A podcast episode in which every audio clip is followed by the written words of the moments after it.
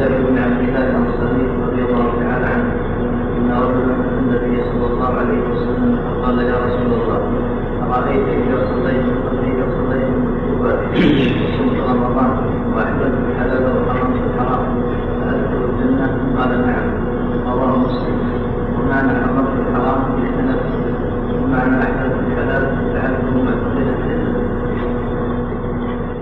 هذا الرجل قال للنبي صلى الله عليه وسلم يسأله ويقول أرأيت؟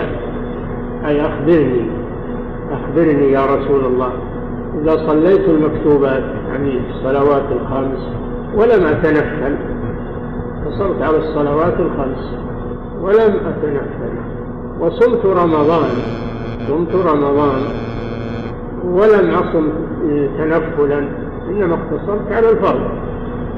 وأحللت الحلال أي اعتقدت حله اعتقدت حله وفعلته تناولته تناولت الحلال تمتعت به وحرمت الحرام حرمت الحرام أي اعتقدت تحريمه واجتنبته أدخل الجنة. قال الرسول صلى الله عليه وسلم نعم أي تدخل الجنة.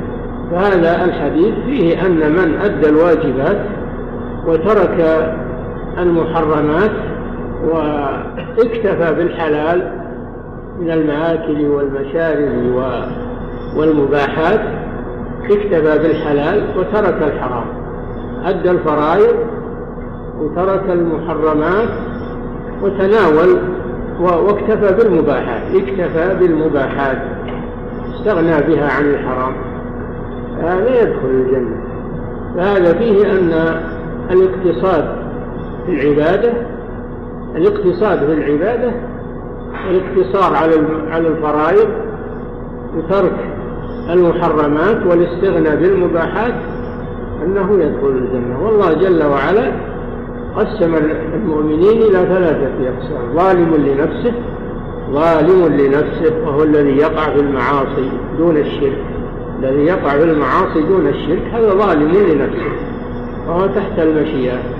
إن شاء الله غفر له وإن شاء عذبه لكن هو من أهل الجنة. ولو عذب مآله إلى الجنة.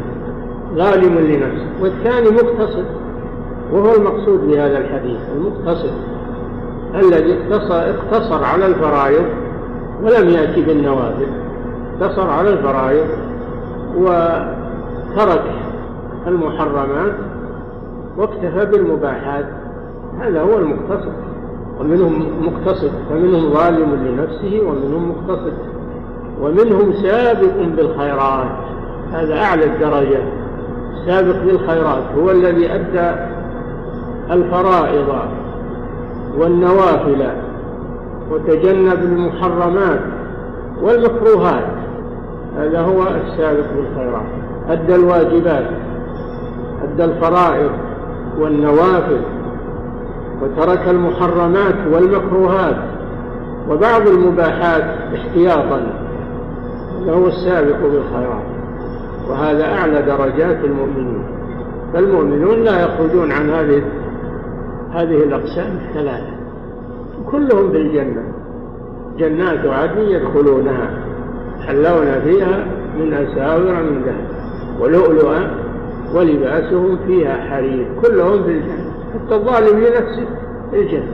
ما دام ما عنده شرك ولا كفر غاية ما هو عنده معاصي كبائر دون الشرك فهذا من أهل الجنة. إما أن يدخلها على طول وإما أن يعذب في النار بقدر ما يطهره من ذنوبه ثم يدخل الجنة. وهذا الحديث من هذا النمط فيه الاقتصاد نعم